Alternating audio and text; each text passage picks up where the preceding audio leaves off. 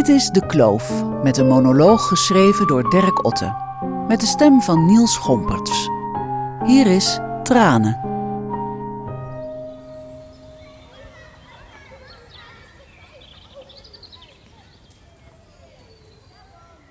Papa?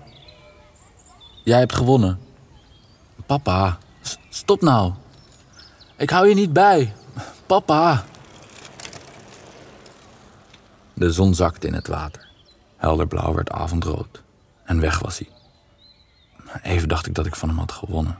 Maar het was duidelijk dat hij me die voorsprong gewoon had gegund. Tenminste, voor even. Net nadat we de brug over waren, zette hij een sprint in waar ik geen antwoord op had. De lol van samen fietsen was eraf. Goed mikken. Hard schieten. Het gaat lukken. Ik kan dit. Het bleek vechten tegen de bierkaai. Uit alle hoeken vuurde mijn opponent schoten op me af. Als een bezetene ging hij tekeer. Op een slagveld ontspon zich een veldslag tussen senior en junior. Een treffen van mythische proporties. Lang had ik de illusie partij te kunnen bieden. Maar hier was geen houden aan. Losse schoten maakten plaats voor mitrailleursalvo's. Handgranaten en raketten maakten een eind aan iedere vorm van verwachting. Vooral het slotoffensief in de dying seconds van het duel zouden materiaal voor in de geschiedenisboeken blijken. En daar zet dat kleine mannetje toch echt alles op alles. Zelfs bij een stand van 5 tegen 9. Kijk dan toch, de tegenstander heeft de bal. En legt nog één keer aan voor een doelpoging. En oh, oh, oh, wat een verwoestende auto!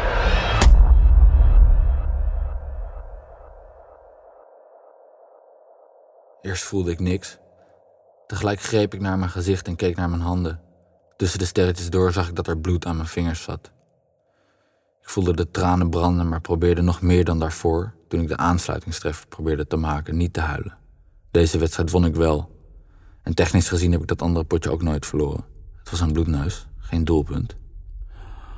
We zouden tot de tien, maar mijn vader zei dat we naar huis gingen. Buiten adem stapte ik van mijn fiets af. Mijn vader was al thuis. Hij trok weer een biertje open. Ik groette mijn moeder half en liep naar mijn kamer. Ik ging op bed liggen. Beneden hoorde ik ze. Mijn moeder had het over. En trouwens ook over dat. Mijn vader antwoordde met. Leren dat niet altijd. En zijn eigen.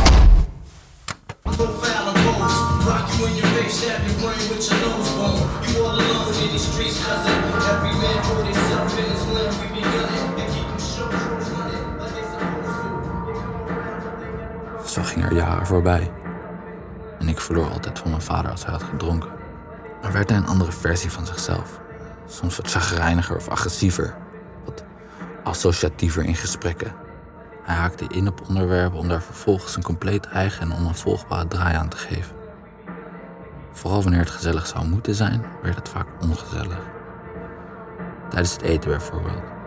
Verjaardagen en feestdagen werden met het jaar verschrikkelijker voor iedereen in huis. Mijn moeder, mijn broertje en ik liepen steeds vaker op eieren.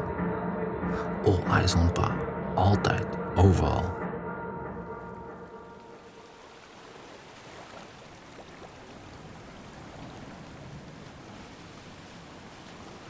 Gelukkig had ik opa. We belden elke dag. En ik ging meerdere keren per week bij hem langs. Dan lieten we de honden uit langs het water. En spraken we over het leven. Over voetbal, dat was ons ding. We keken ook altijd samen. Opa lachte om mijn grappen. Hij zei dat altijd alles goed komt. Vandaag zei hij dat weer. Vlak voordat hij me thuis afzette na de wedstrijd. We hadden verloren, maar dat hoorde erbij. Van verliezen kun je alleen maar leren.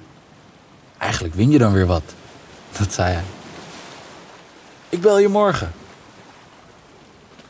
Zijn hand zwaaide uit het autoraam. Ik zwaaide terug. Hij was mijn beste vriend. De volgende dag belde oma. Ze zei dat opa dood was. Weg. Zomaar opeens. Van verliezen kun je alleen maar leren.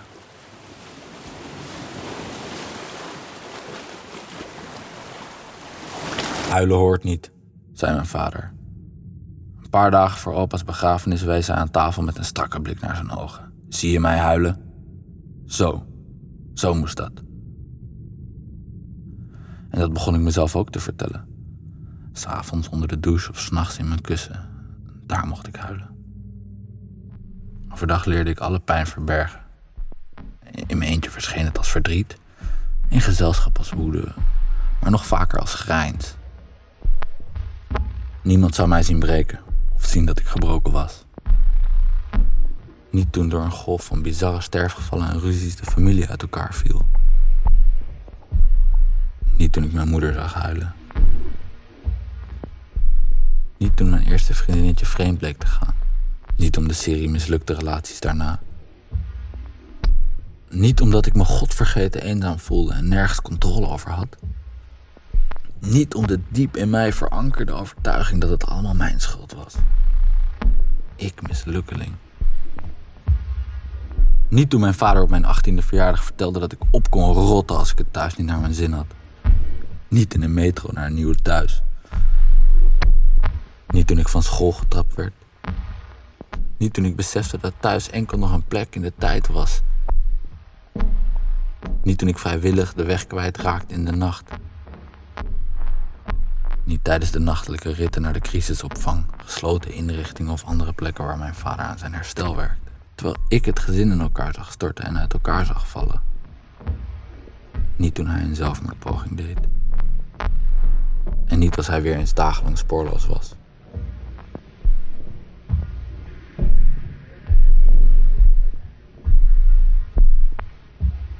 Papa, ik haat dit. Als ik hem vind, zal ik hem godverdomme een keer laten zien hoe. Daar zit hij. Onderaan de brug. Hij reageert niet eens. Ik ga naast hem zitten. Zijn kleren zijn vies. Hij heeft een stopgebaard en schrammen op zijn gezicht. Hij heeft een ontheemde blik tot hij eindelijk doorheeft dat ik naast hem zit. Zojuist had ik hem een klap willen geven, hem de huid vol willen schelden en de waarheid willen zeggen. Over hoe fietsen en voetballen en stoeien met hem, fietsen en voetballen en stoeien met het leven werd. Hoe de afstand tussen vader en zoon een afstand tussen die zoon en zichzelf werd. Tussen, tussen zijn. Eindelijk kon ik eens terugslaan. Nu kijk ik hem alleen maar aan. Barst in tranen uit. Ik sla mijn arm om hem heen, zoals hij dat nooit bij mij heeft gedaan. Hij stamelt. Van verliezen kun je alleen maar leren, toch? Eigenlijk win je dan weer wat. Zelfs als je nooit geleerd is hoe je winnen moet. Je verliest ook niet altijd iets moois. Hier aan het water ben ik mijn verdriet en woede kwijt. Voor even. Ik ben niet wat mij is aangedaan. Ik word niet wat mij is overkomen.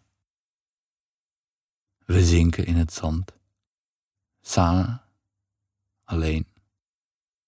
De zon zakt in het water. Helder blauw wordt avondrood. Tot zover Tranen. Geschreven door Dirk Otte met de stem van Niels Schomperts. Regie Niki Padidar. Sounddesign Niki Padidar en Hens Zimmerman.